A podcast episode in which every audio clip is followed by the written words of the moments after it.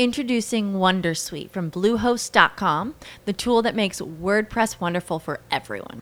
Website creation is hard, but now with Bluehost, you can answer a few simple questions about your business and goals, and the Wondersuite tools will automatically lay out your WordPress website or store in minutes. Seriously. From there, you can customize your design, pick your brand colors, and add blocks. No custom theme or coding required. You'll get content suggestions that you can keep or revise, and with Yoast SEO built in, we automatically help you get found in search engines. From step by step guidance to suggested plugins to an AI powered help bot. Our built in tools make WordPress wonderful for everyone. Maybe that's why Bluehost has been recommended by WordPress.org since 2005. Whether you're a beginner or a pro, you can join over 2 million Bluehost users. Go to bluehost.com slash Wondersuite. That's bluehost.com slash Wondersuite. To jest podcast System Trader, odcinek 38. A w tym odcinku mój gość, Jack Vogel, rozmawia ze mną o różnych podejściach do inwestowania własnego kapitału. Zapraszam serdecznie. Interesujesz się inwestowaniem na rynkach kapitałowych? Szukasz swojego sposobu na oszczędzanie i pomnażanie pieniędzy? Zastanawiasz się, jak postawić swoje pierwsze kroki na giełdzie? Ponadto fakty, mity, wywiady i ciekawostki ze świata finansów. To i wiele więcej usłyszysz w podcaście System Trader. Zaprasza Jacek Lempart. Inwestowanie jest proste, ale nie jest łatwe.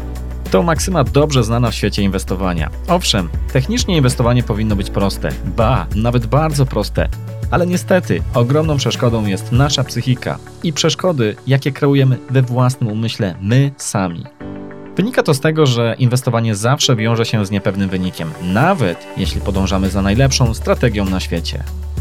W tym odcinku Jack Vogel z firmy Alpha Architect opowie o kilku różnych anomaliach rynkowych, które nie tylko można zmierzyć i zapisać w formie jednoznacznych reguł, ale i wykorzystać w praktyce. Odcinek ten jest nagrany w języku angielskim i na chwilę obecną niestety nie mogę obiecać, kiedy pojawi się jego ewentualne tłumaczenie na język polski. Na pocieszenie dodam, że wiele tematów poruszanych dziś Jackiem pojawiło się i będzie się pojawiać w przyszłości na moim blogu i w podcaście w języku polskim. Zapraszam serdecznie. Hello, Jack. Thank you very much for accepting my invitation to the podcast. Many people, for sure, already know you either from your books or multiple SSRN uh, papers. Could you please, however, introduce yourself, especially in the context of financial markets uh, career? Yeah, well, thanks for having me on. First off, so uh, introduction about myself. I um, started in finance. I originally was in graduate school, getting a PhD in math, and realized I wanted to change, and I was very intrigued by finance, and got drawn into PhD in finance program at Drexel University in Philly, and that's where I met uh, Wes. Uh, Wes is the founder of Alpha Architect firm I work at now, and I've been working with Wes since 2010. So originally did research um, yeah, with Wes at Drexel, and you know near and at graduation decided to move into the uh, practitioner world as opposed to staying in academia. Right, I understand. Um, thank you for that. Uh, the majority of investors cannot beat the market in the long run, and we have a kind of a paradox that everyone would like to beat the market, but the reality is different. I mean, investment results are most often below the market average, and it's not only problem for the let's say retail uh, traders, but also a problem for professional investors working for funds, for example. And do you think it's still wise to try to beat the market if it's so hard to achieve it? Yeah, that's a obviously a great question. I think that you know for for a decent amount of people, if you're going to compare your strategy year over year or every six or three months to the market, I would recommend that you probably just invest in the market. Um, you know, we've had a decent number of people that have come across our site, I've discussed with, who would look and say, "Hey, you know, value is losing to the market over the past month. Is it broken?" And for those investors, uh, I definitely think you know investing in the market is a great place to start. And actually, for most investors, just investing in the market is a great place to start. We and I still do believe that there may be some systematic strategies that can work over the long run, but that doesn't mean they're necessarily for everyone. Right, I understand. But uh, if you say that basically there is a way to beat the market, so so the markets are not efficient, as some theorists try to uh, say, uh, do, what kind of anomalies you think are uh, are giving us uh, potentially the greatest edge, in your opinion? Yeah, so um, you know we're fans of factor investing, and of the factors, you know we're we're big fans of value and momentum. Uh, you know, there's other factors like quality, uh, you know, profitability, low volatility. Uh, they're all decent factors. We still think you know value and momentum of the factors are the the two the two ones we prefer to focus on, and the two ones we think can work long term. Um, and then you know you can ask why. Well, you know, one thing is because we get this question a lot. Well, you know, you know, is is it broken, right? Because recently some factors have underperformed, and one thing to note is that you know it actually has to be the case that the factors can't work all the time because if they worked all the time, then it would be easy for everyone to just invest in it, and and that uh, edge would go away pretty pretty quickly. Okay, and uh, what do you think, uh, for example, about tactical asset allocation? I mean, I mean here, um, let's say a pie chart investing, where a portfolio has a fixed allocation to some assets, and for example, um, Ray Dalio's all-weather portfolio or Warren Buffett's 90-10 uh, portfolio. As uh, Warren Buffett, for example, said that the average average um, investor, and actually what he is uh, su- suggesting to, uh, to to his wife, to if he passes uh, that to put 90% of, of the money into stock index fund and 10% into short-term government bonds. What do you think about such strategy? Because it sounds very easy but how how looks the reality from your point of view? So I guess from the investor's perspective, it just depends on uh, the behavior that you're going to have, right? So Warren Buffett, his foundation, you know, if the market goes down 30%, 40%, I don't think their life gets affected whatsoever, right? when you have that much money, uh, I, I think it's easy to just stay in the risk asset. If it goes up, great. Goes down, who cares, right? So uh, I think when you get when we start talking about you know individual investors, whereby they don't have you know a couple you know uh, multiple billions of padding on their security, they can be a little more risk averse than maybe like a 90-10 portfolio. Um, but for some investors, that actually is a I, I would say an okay place to start because you know maybe they're very reticent to put money in government bonds, you know, yielding one and a half percent or two percent or negative. Um, so, uh, you know, it just, I think it varies from investor to investor in aggregate. Right, but do you think then that maybe rather than to focus on trying to beat the market, um, an average investor could rather or should rather to focus on how to um, uh, decrease the maximum drawdowns during that investment period. So let's say that uh, on average the market makes I don't know eight percent uh, per annum.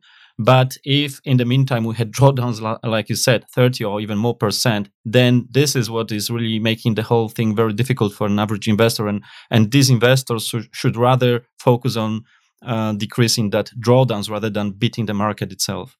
Yeah, so we actually are advocates, and you know we we like trend following rules, which is one way that you could try to reduce drawdowns. Right. And again, trend following simply, you know, there's two ways you could do it. You could do what's called time series momentum, whereby if the return you just measure the return over a preset period, such as a year or ten months, compare that to zero or risk-free rate, and if it's greater, you stay invested. If it's not, you get out. Uh, another way is moving average rules. And so, you know, trend following using either of those rules is one way to try to reduce the risk at times in the portfolio in an attempt to reduce drawdowns. The downside to that is it's not going to work all the time. But for a lot of investors, if that allows them to actually invest in the asset class, it's probably better than just sitting in cash. Right. Um, you have a, a background in mathematics, so so of course, obviously, for you having um, abstract models, it's something, let's say, natural. But do you think that also for an, for an average investor, it's better to have a systematic approach to the market? So, as you said, to have a simple but uh, very um, uh, very exact uh, exact rules rather than to try um, invest in a discretionary way. Yeah, I would generally agree with that. Um, models, parameters, they're they're generally good. Uh, I'll give you two examples. You know, one is just let's pretend you're a simple buy and hold investor, right? And you start out with a 60-40 portfolio. Well, you know, at least for the past 10 years, if you didn't have some parameter saying that you needed to rebalance back to 60-40 when you your your target weights got out of bounds, let's say maybe 10%, just making this up, but if you didn't do that, all of a sudden, you know, in five, six, seven years, you're going to be 100% equity investor, right? So even for your standard buy and hold investor, you know, parameters, simple models are helpful. Now for someone using possibly like a trend following strategy or momentum strategy, one of the reasons and a reason that we advocate using a systematic approach to stick with when you rebalance, what the rules are, is just the human behavior that comes into play. So it's it's you know it would have been pretty easy in possibly um, you know I would say maybe January of this year to look and say, hey, you know, even though our trend rules triggered in December or January of this year, now it's beginning of February, there's a ton of market volatility, but our rule says to get back in. Well, you know, if you, if you didn't get back in, you would have been hurting yourself. So systematic rules, uh, I think, are a good good place to start for most investors. Okay, and would you agree that um, having systematic rules applied um, for long-term approach investment rather than short-term uh, approach, it may be easier just for an average um, investor as well. Because uh, let's say that what happens every day is, uh, from the point of view of long-term strategy, strategy is just a noise. So, would you um, be able to say that indeed it's better to focus on long-term uh, approach? Um, yeah, I mean, I would say systematic probably works in both, right? Because you know, if you're like a short-term trader you, you probably want to have rules and bounds and you know if you're just making trades here and there you don't want to bet too much of your book on one thing. But for long-term investors i would agree you know systematic strategies definitely help. Right. I would like to discuss now some alternatives to pure passive investment approach or to tactical asset allocation. And i'd like to start with a momentum anomaly which was already mentioned. Uh, could you please explain what is momentum, why it works, and will it continue to work in the future? Yeah, so momentum is, um, you know, it can be defined in a couple a uh, couple ways, but high level momentum is the fact that at the intermediate term level, so basically looking past like you know six months to 15 months, if you look back at returns of asset classes, stocks, bonds, so we'll, we'll simply stay with stocks. So if you stayed within stock universe, look back over the past year, the momentum anomaly is the fact that the winning stocks, those that did the best over the past year, continue to win, whereby the losing stocks, those that did the worst over the past year, um, continue to lose. So at a high level, just within our stock example, that is the momentum anomaly. And and uh, what do you think is uh, the mechanism behind that the momentum works? Because, for example, if we look on value investing, there we would rather look for some, let's say, bargains on the market. So we are looking, for example, for something which which is, let's say, cheap. Whereas here, um, momentum says buy if something already is, um, in, I mean, the price already increased, and just buy this, the stronger uh, stock.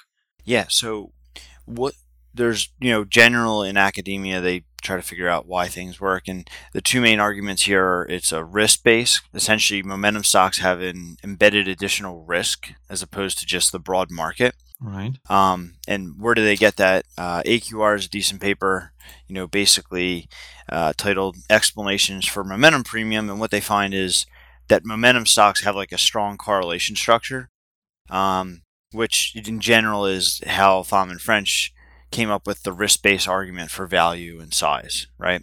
So, one thing is it could be that momentum stocks are riskier. Uh, a second case, which most investors I think like this explanation better. I'm not sure which one it is, it's hard to tease them out.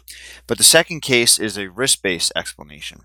And this one kind of makes sense at a high level. It's, you know, when good news comes out about a high momentum stock, people tend to underreact to it. So, you know, the price doesn't go up as high as it probably should.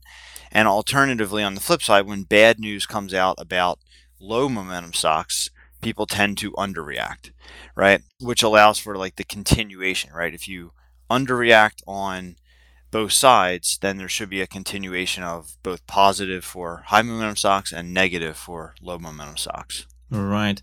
And as we know from the history that momentum works, um, many people are probably interested will it continue to work? I mean, if it's an anomaly which is uh, broadly known, do you think that at some point it may just stop uh, be so effective just because uh, too many investors will try to follow strategies based on momentum yeah that's a great question so you know one one reason i think it will continue to work um, is you know there's multiple types of momentum. So first off on a stock based level and we're going to talk about this in a little bit later but um, you know the, the how much capacity a strategy can take on definitely is going to vary um, from you know ba- your baseline assumptions, but I still think there's definitely capacity there. And then the other thing is, as we talked about, and we'll talk about in a little bit, you know, there's different types of momentum, such as like asset class momentum and other types of momentum, whereby a lot of investors kind of have static type portfolios, and so you know, in general, if you just invest in the broad market, you know, you're 50% US, 50% international, whereas a you know asset class momentum trader can say, "Hey, I'm going to go from US to international."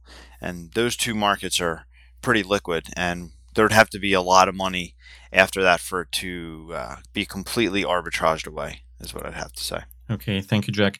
Uh, what are the types of momentum? You already mentioned the momentum where we uh, compare uh, one stock to the other, but um, there are there is another type of momentum. Uh, could you please explain so that everyone knows that momentum is a broader term? Yeah. So um, momentum and and actually value, and this is why you know we're fans of those two strategies. But I'll focus on momentum.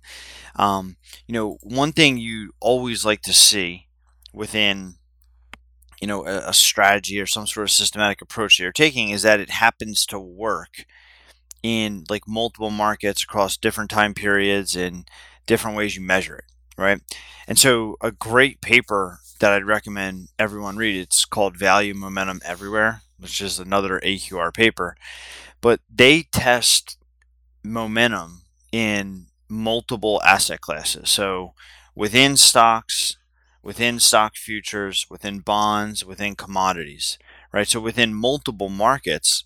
And what they find is that momentum as well as value tend to work uh, in all of these asset classes. So one of them, which I mentioned, was stock futures, which is, you know, maybe if we look at U.S. versus ex-U.S. or U.S. versus a combination of other uh, equity futures around the world, they found that momentum worked there, whereby the winner kept winning, the loser kept losing. Right. So in general, as you said, also momentum works on uh, on different asset classes. It's, it doesn't have to be just a stock market. It can be, I mean, other market as well. I don't know, gold or or whatever. Uh, th- this anomaly is also existing in other type in other asset classes. Um, Gary Antonacci introduced so-called dual momentum um, strategy, actually dual momentum uh, approach, where he is using uh, both types of momentum. I mean the the um, absolute momentum and the relative momentum. And as far as I know, you also uh, know uh, Gary Antonacci's approach.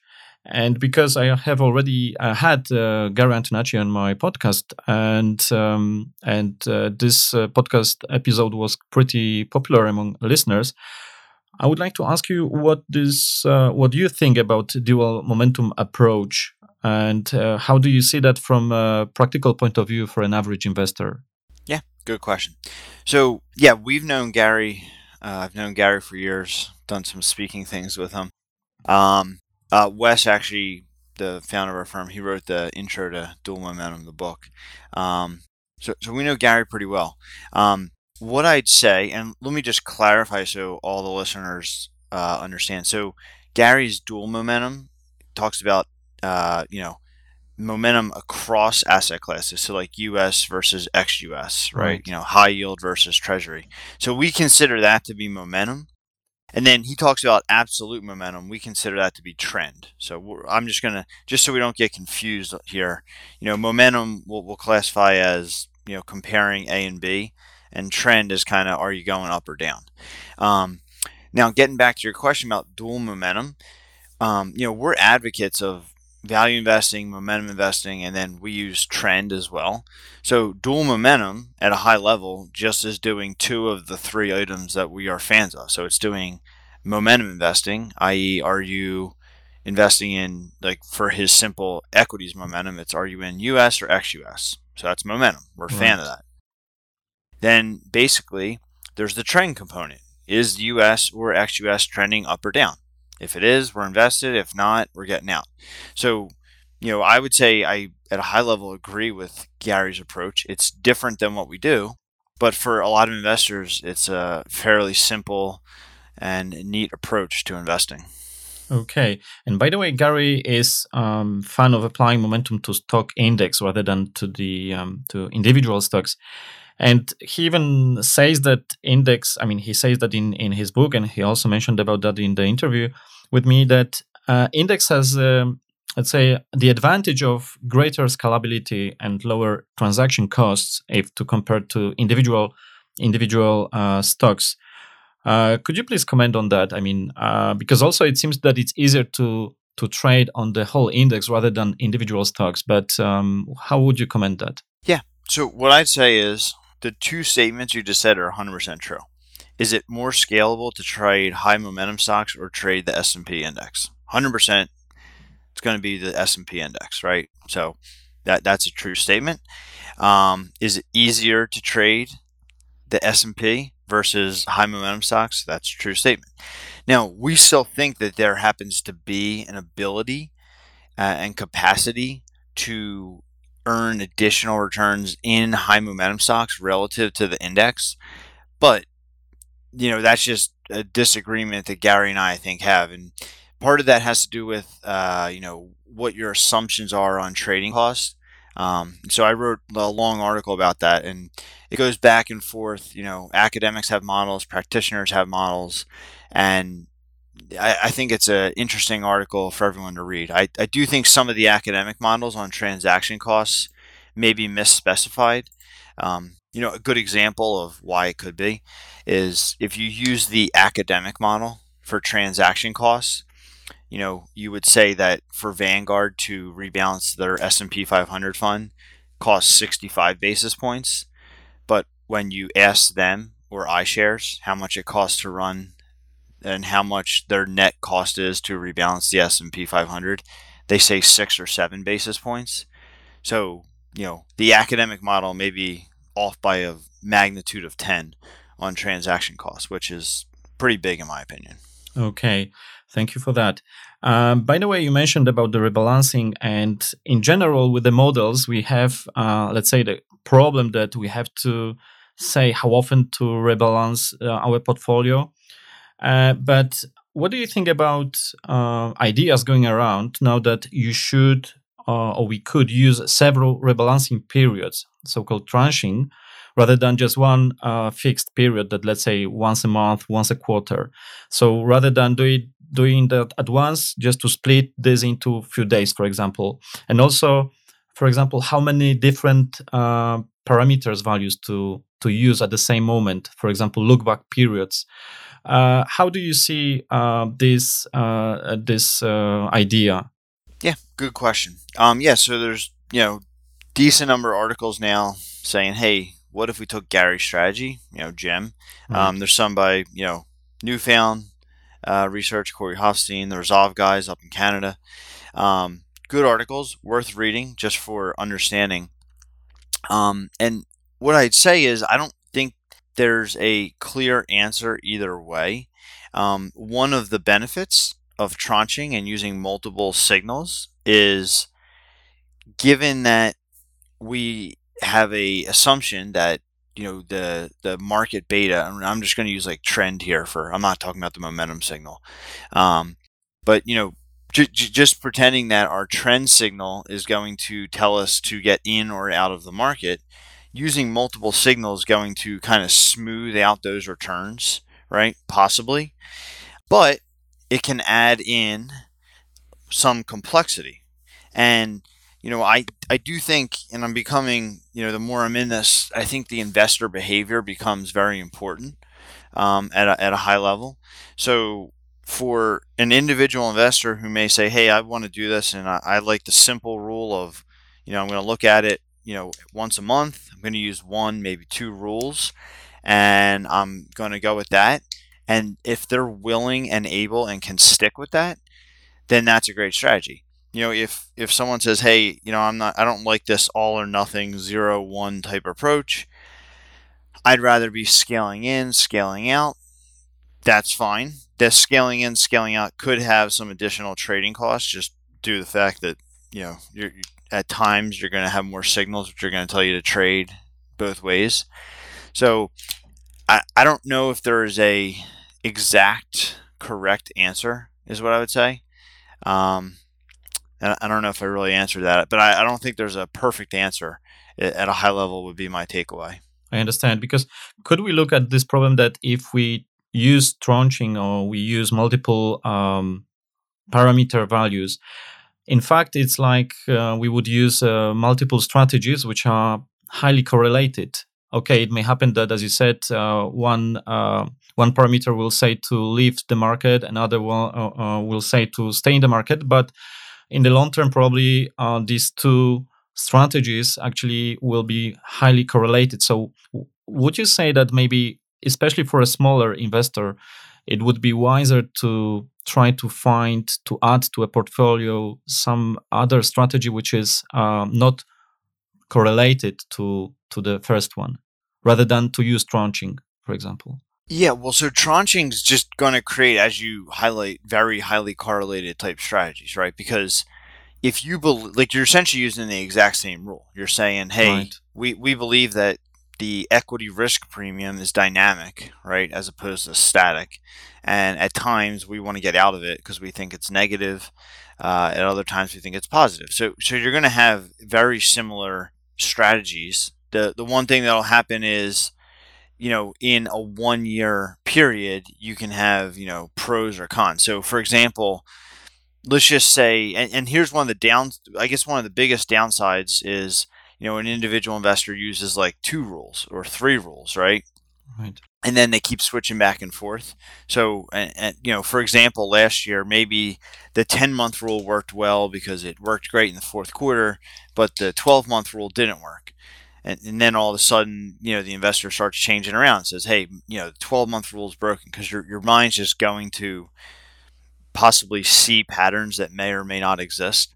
Um, and so I guess that's that's one downside. Now, what you mentioned about adding in a strategy that is kind of uncorrelated, that's another way that would definitely help as opposed to doing the same strategy just a 100 times. You could do, you know, one one simple strategy and then maybe just like a simple asset class momentum strategy, which is another way to try to reduce drawdowns. But now you're going across like stocks and bonds based on what's doing better. Okay, so for example, if you have a momentum strategy, you've mentioned already a few times uh, about the value investing. Do you think that momentum could be useful for value investors as well? I mean, could you maybe even provide some example how we potentially could combine these two factors? I mean, the momentum and value. Yeah, so at the stock level, one of the interesting facts is that value and momentum happen to be negatively correlated, which is a very neat, you know, very neat finding. essentially, you know, when value does well, and again, this is examining the long short portfolio, right? So that's like pretty much the exact thing that you want. You want to have two factors or two return streams that in expectation, at least in the past, but in expectation have positive returns, but they have negative correlation. So at some level, if you're just a deep value investor, you know, momentum stock selection investing is probably the best thing you can add to your portfolio. And so how would one go about that? Well, you know, in general, not everyone does long short value momentum, but you know, long only value momentum are going to have a positive correlation, but it's way lower than value in the market or momentum in the market. So simply combining the two uh, in general is going to really help out a value investor. Okay, thank you, Jack. Um, so just to complete this um, discussion about the momentum, I will have um, I have one more question on GEM strategy. Actually, I should have asked uh, Gary. How do you think GEM can behave in the era of near zero or or even negative interest rates because this uh, strategy is switching between the equities, the stock markets, and the bonds. If the stock market is uh, is um, on the negative side, uh, and then if we are near zero uh, about the interest rates, it can happen that we will be in the era of rising interest rates. So, how do you think GEM can behave in such environment? Yeah. So, what I'd say is, uh, first off, let's I guess maybe do two assumptions. One is just interest rates stay the same, right? So, you know, in such an assumption there, what you know is, you know, your interest rates both on your cash and your bonds are going to be lower than historically what what they would have been, right? Um, so being in bonds, assuming the risk premium, which you know you can measure and kind of project what you believe that to be, but you know, be, being in stocks when ca- cash and bonds are yielding lower amount can be beneficial. But as you know, there there can be downside, which is you know dr- bigger drawdowns in your portfolio. So you know if interest rates stay the same, you know hopefully your your return, even if you know the trend doesn't work that well, is, is well above what uh, the return to bonds would be.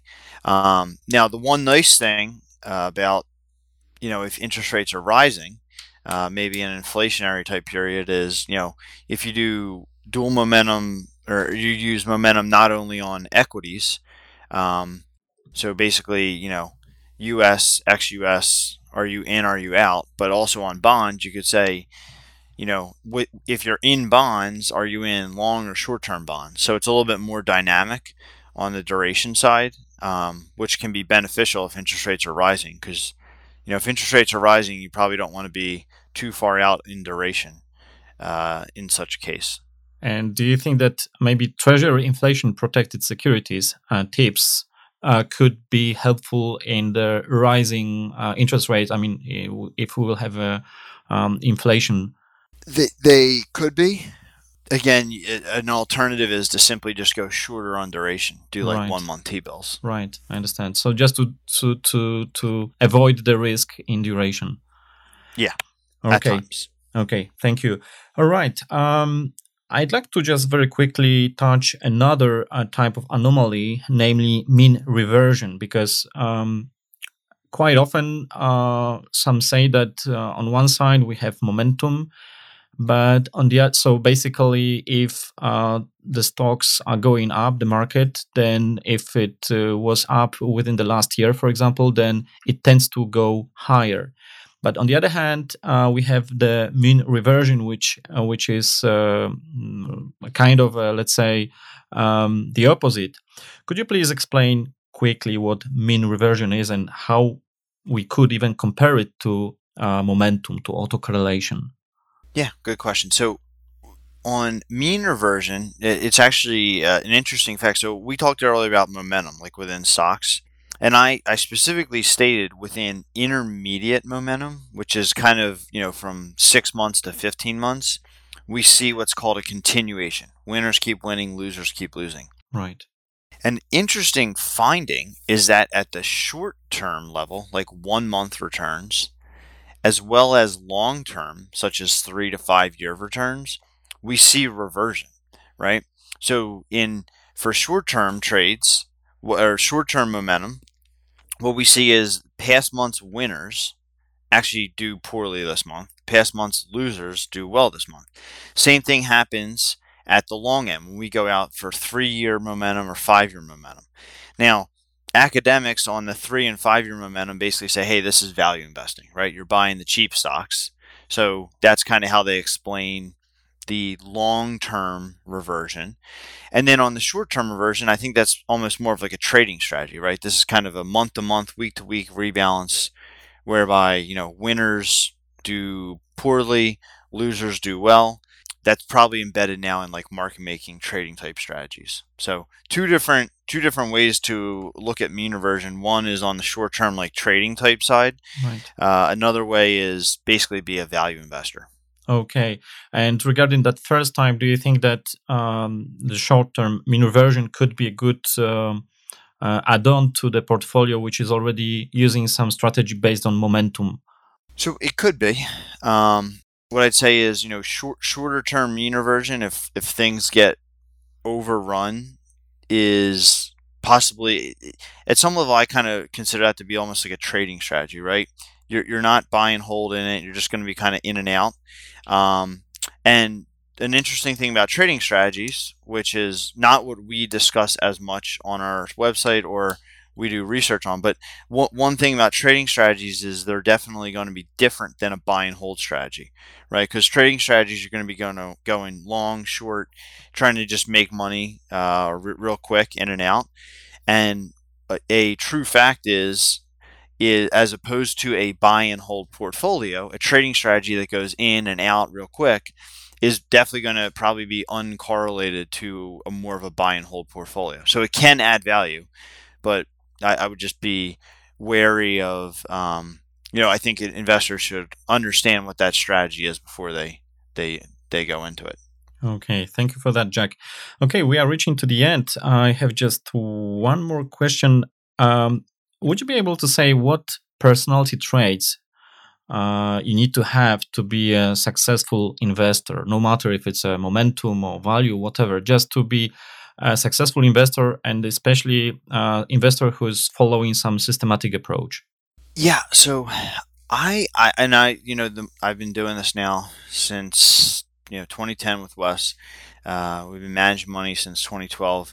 One thing I would say is I, I think it's really important that the investor kind of re- they, they don't have to understand the nuts and bolts detail of everything but the strategy needs to align with with their behavior right so you know i you know i come from academic perspective and one thing I've noticed is, you know, if you if you read academic papers, they don't really talk too much about dividend investing, right?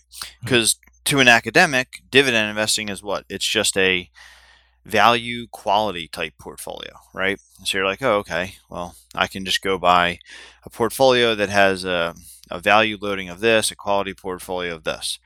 But there are some investors who are dividend investors who can be the happiest people of all time because all they do is invest in slightly higher dividend paying stocks and live off the dividends. Mark goes up, they don't care. Mark goes down, they don't care, right?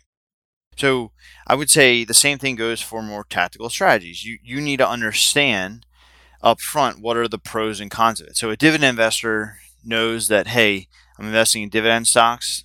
Uh, they may lose to the market. They know that up front. They know that you know companies can cut the dividends, but they've just decided to live with that. So for a trend type investor or a dual momentum investor, what's your biggest risk? Um, I think the biggest risk on anything that embeds trend is that at times your trend rules are going to not work, right? And, and here, so like a good example is past 10 years. Um, and I'll send you a link afterwards, but you know, I had, I had a post and basically talked about how trend following is done poorly, um, especially in equities over the past 10 years. So real quick from you know beginning of 09 to the, to the end of 18, a full decade, buy and hold S&P was up 13%. US with trend following, again, a simple rule, was up eight and a half. Right. So you lost by, you know, four and a half percent. And for a lot of investors, that can be an issue because they may say, hey, well, I, I could have just bought the market. And if you're an investor who is always going to compare your portfolio to the market, then you should just invest in the market. So I think the behavior is the biggest thing, and kind of understanding what you, what you kind of believe in and what you're willing to do. Now, on the flip side, people have noted because I, I didn't really explain in this article, but a U.S. trend investor earned eight and a half, But if you were just investing in bonds, you only would have earned three. And if you were in cash, you would have earned 35 basis points annualized. Right. So you still would have done better. But you know, again, if, if you're going to just constantly be comparing yourself to, you know, the S&P 500, well, at some level, then you already know the answer, which is just invest in the S&P 500, right? If you're an investor who says, "Hey, I want to invest in stocks, but I'm reticent towards large drawdowns," well, you know, w- with trend following, a potential downside is it doesn't work all the time. So I think understanding your own behavior and how you're going to react is probably one of the most important things that are required to be a successful investor, specific to a trend-based strategy. Right. Even Warren Buffett, by the way, is not always beating S&P, so we shouldn't be too much worried if uh, in a given period of time our strategy is also underperforming. So basically, if we could summarize, the discipline is the key. Just to uh, to stick with the strategy and and religiously follow it. Yeah, I, I would say that. But again, assuming that's what you kind of believe in, like if you you know just believe that you know the market is the market and you're going to get your returns there, then maybe you should just do that, right? And interestingly enough, as you mentioned, Warren Buffett, he's holding a ton of cash, right? Right. If he was just if he had just put it in the S and P 500, his returns would have been a little bit higher. Right. Okay. Um, Jack, do you have any recommended books uh, or maybe papers, maybe blogs, podcasts, uh, which you would really recommend to to the listeners? Um, yeah. So, you know, one is definitely the AQR Value Momentum Everywhere. Right. And I'll, I'll send you a link there. I think it's a great paper. I'll put it on the that, side. Yeah. Yeah. Um, you know, the, the one that I think is important for anyone looking at more tactical trend portfolios is uh, the, the one I wrote recently that trend following a decade of underperformance, just to highlight, you know, that it can can it not work at times? Um, obviously, it does work when you have 50% drawdown, but at times it's not going to work. But we'll start with that, and I may have a couple uh, other ones I'll, I'll send you afterwards. Okay. Is there anything else you'd like to add before we will finish today's uh, podcast? Um, no, I mean, I just I think you know momentum investing, which is you know essentially buying winners not buying or shooting, shorting losers. In general, most people just do the buy winners. Uh, you know, I, I, still think that can work in the future. It's not going to work all the time, which at some level is a good thing, right? If it worked all the time, it, would be arbitraged away pretty quickly. But if if someone would ask you and put the gun to your head, uh, momentum or value, which one you would choose?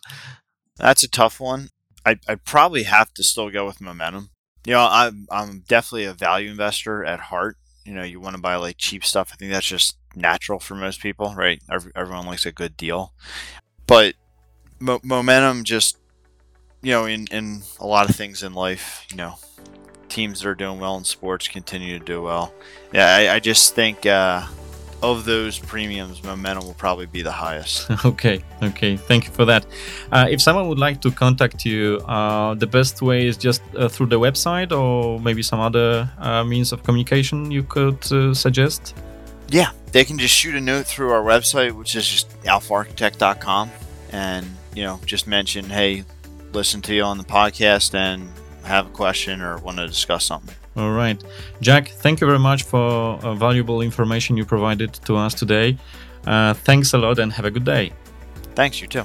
Thank you. Bye bye.